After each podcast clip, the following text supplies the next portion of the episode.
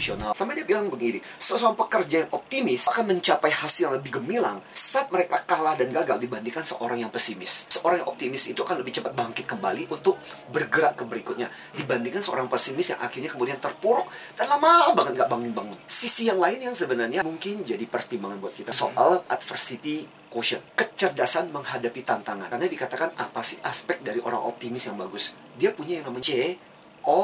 C itu apa? Kontrol. Katakanlah perekonomian lagi terpuruk. Daripada fokus kepada policy, kebijakan perekonomian, kecuali lu menteri keuangan. Tapi kalau kamu bukan menteri keuangan, sudahlah. Bukan cuma kamu yang ngalami kok. Orang lain juga ngalami. Betul. Sudah, apa sih yang dalam situasi ini yang masih bisa gue kendalikan? Terus ownership.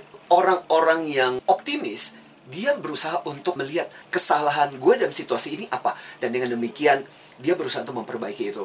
Kemudian bicara mengenai reach, jangkauan. Orang-orang yang optimis ketika dia menghadapi satu masalah, dia tidak membiarkan satu masalah itu merembet ke segala aspek dalam hidupnya. Saya gagal dalam bisnis, ya urusannya dengan bisnis. Bukan berarti seluruh aspek kehidupan saya gagal. Sama yang penting adalah faktor E, endurance. Di balik segala kesulitan dan hal-hal yang hitam pekat ini masih ada cahaya. Iya, iya. Dan itu yang membuat mereka terus bergerak. Jadi betapa luar biasanya kalau kita bisa tetap optimis.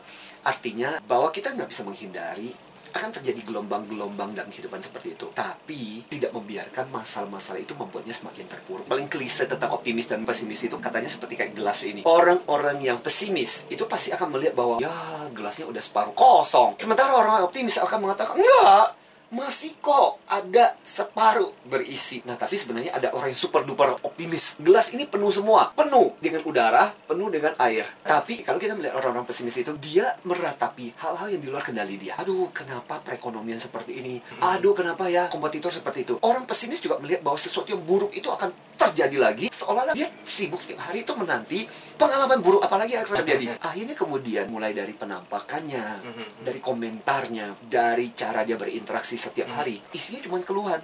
Makanya saya bilang 3C C yang pertama adalah komplain. Jadi kalau kita ketemu sama dia aduh mulai ngeluh lagi entah keluarganya entah kantornya entah temannya entah anaknya pokoknya isinya cuma keluhan yang kedua condemn jadi menyalahkan orang gara-gara atasanku makanya kenapa nasib gue seperti ini yang ketiga adalah criticize jadi selalu mengkritik. Itu bagian dari ciri-ciri orang-orang yang pesimis yang kurang lebih seperti itu. Ditambah lagi, kemudian dia mengatakan bahwa apa pun yang dia lakukan itu percuma juga. Nggak akan ada yang bisa dilakukan untuk memperbaiki situasi itu. Akhirnya benar-benar orang itu makin terpuruk dengan situasi negatifnya. Seringkali ekonomi itu bisa menjadi penyebab, tapi juga menjadi salah satu musuh yang sering kali kita jadikan blaming. Kenapa saya nggak bisa berhasil? Ya karena saya nggak punya modal. Bisa jadi itu benar, bisa jadi kemudian kita melemparkan tanggung jawab kepada masalah ekonomi. Artinya gini, mungkin kalau kita bicara dari sisi realistisnya, oke lah katakanlah memang ekonomi kita mungkin tidak mendukung kita saat ini. Tapi daripada kemudian menyalahkan ekonomi, lihat ada begitu banyak orang kok yang kemudian kalau kita dengar ceritanya memulai dari keterpurukannya dia. Sementara orang pesimis ketika ditanya, kenapa anda nggak begitu berhasil dalam hidup anda? Ya habis kondisi ekonomi saya, saya kan bukan dari orang kaya, makanya gimana mau berhasil? Gimana punya modal? Sementara orang optimis begini, ya saya nggak berhasil, mungkin karena usaha saya masih kurang, atau mungkin saya masih belum bertemu sama orang yang cocok, atau mungkin saya belum menemukan taktik yang lebih pas. Dan bedanya adalah sementara orang yang pesimis melihat bahwa dia harus memperbaiki masalah ekonomi dulu baru sukses. Orang yang optimis, dia melihat bahwa oke masalah ekonomi. Karena ini dolar kendali saya, saya mau melihat apa sih bagian-bagian yang lain yang masih bisa saya perbaiki. Sebenarnya buruk nggak sih menjadi orang pesimis? Ya sebenarnya nggak buruk sih. Sebab orang pesimis itu kan sedang mengantisipasi sesuatu. Kalau seandainya sesuatu yang jelek terjadi, gimana dong? Kalau sesuatu itu berjalan tidak seperti harapan kita, gimana dong? Jadi sebaliknya juga sebenarnya kita bisa mengatakan terlalu optimis pun kadang-kadang berbahaya juga. Cuma masalahnya gini, yang buruk dari menjadi orang pesimis adalah dia menambahkan beban tersendiri kepada apa yang dia alami sebenarnya. Katakanlah dia di PHK. Ada dua kemungkinan sikap kita. Menyalahkan perusahaan, kemudian terpuruk, kemudian menganggap bahwa lingkungan dunia ini sangat tidak adil, lantas kemudian tidak melakukan apa pun, terpuruk di dalam pesimismenya itu, ah nanti kalau saya diterima lagi di perusahaan, nanti kalau saya dipecat lagi gimana? Nah orang-orang pesimis akan cenderung memikirkan hal-hal yang seperti itu. Sementara orang-orang yang lebih optimis, setelah di PHK, sudahlah, saya bisa belajar dari kesalahan saya. Mungkin ini tempat yang tidak cocok buat saya. Nah, dengan kata lain, orang-orang pesimis saat ketika dia menghadapi satu masalah ditambah dengan beban respon emosi dia yang negatif, apa yang terjadi? Masalah orang itu jadi double-double. Jangan terlalu terbiasa dengan melihat sesuatu secara pesimis. Contoh, tiba-tiba dokter memvonis kita dengan satu penyakit. Orang optimis, betul, memang penyakit seperti ini berbahaya. Bisa jadi ini petanda buat saya harus lebih berhati-hati Ya. jaga pola makan diet Mm, mm, mm. tapi kan belum tentu juga semua yang dikatakan dokter itu benar Mhm. hey maybe I should asking for second opinion. Mhm. tanya kepada pendapat yang berikutnya. Jadi orang optimis itu masih punya harapan. Sementara orang pesimis ya dokter udah mengatakan seperti itu. Berarti hidup gue juga sebentar lagi. Wah berarti hidup gue udah berakhir. Ya udahlah berarti memang kondisi gue memang seperti itu. Nah akhirnya kemudian dia menyiksa diri dengan sikap-sikapnya itu. Optimisme itu gabungan dua hal. Pertama-tama adalah pikirannya positif tindakannya juga positif. Pertanyaan yang sering kali muncul kalau saya bicara mengenai optimisme itu kayak begini. Bapak itu kayak ngajarin supaya orang nggak berpikir realistis. Bukan tapi kita bisa melihat dari sudut pandang yang berbeda dari sisi positifnya untuk membuat kita bergerak dibandingkan dengan yang pesimis. Pesimis itu cenderung lima no. No yang pertama adalah dia merasa no hope gak ada harapan lagi. No choice gak ada pilihan-pilihan. No luck keberuntungan tidak lagi bersama dengan kita. No use, nggak ada gunanya kita melakukan sesuatu. No action. Nah, berbeda dengan orang-orang yang pesimis ini, orang-orang optimis merasa masih ada hope, masih ada harapan kok. Have choice. Kita masih punya pilihan yang lain untuk melakukan tindakan yang lain. Ada keberuntungan yang bersama dengan kita.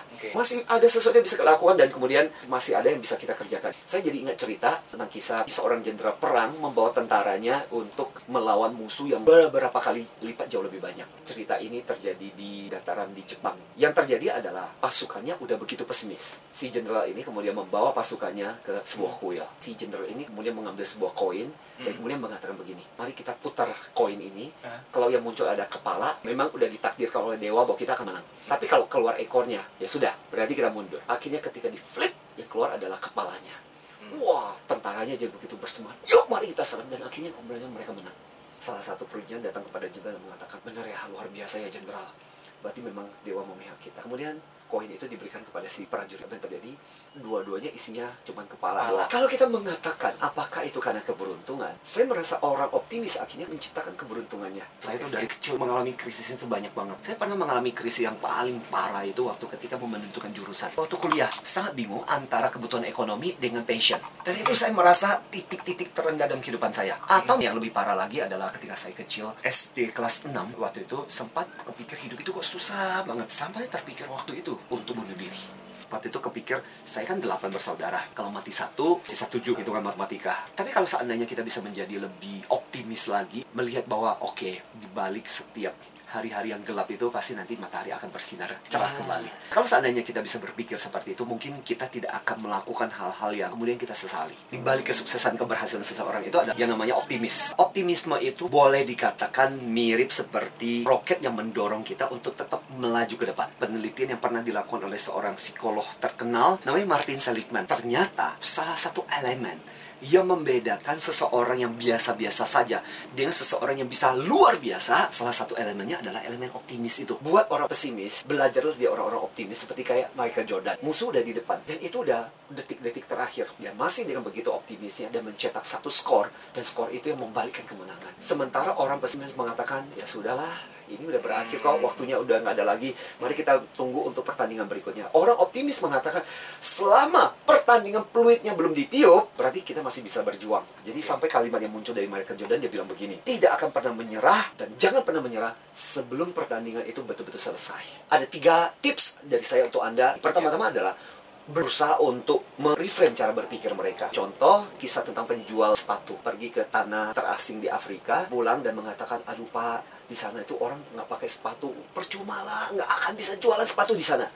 Dikirim yang lain, pergi ke sana, bos, luar biasa bos, nggak ada yang pakai sepatu, berarti kita bisa jualan sepatu. Jadi tergantung sudut pandang kita melihat sesuatu. Yang kedua, orang-orang yang pesimis kadang-kadang perlu ditunjukkan jalannya, didorong bahwa daripada kamu semakin pesimis dan semakin terpuruk dan sikap kamu juga tidak akan memperbaiki situasi saat itu yuk pikirkan apa yang bisa kamu kerjakan apa yang bisa kelakukan dan biasanya ada improvement. Tuh kan ternyata ada baiknya juga. Dan itu akan memberikan momentum dan energi buat mereka untuk melakukan hal yang baik. Dan yang terakhir adalah stay up.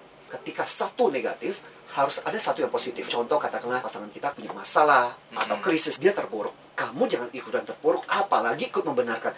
Iya memang. Waduh ini gara-gara ekonomi pemerintah. Justru kamu mesti stay up untuk bisa menarik yang sekarang ini lagi terpuruk supaya dia bisa berubah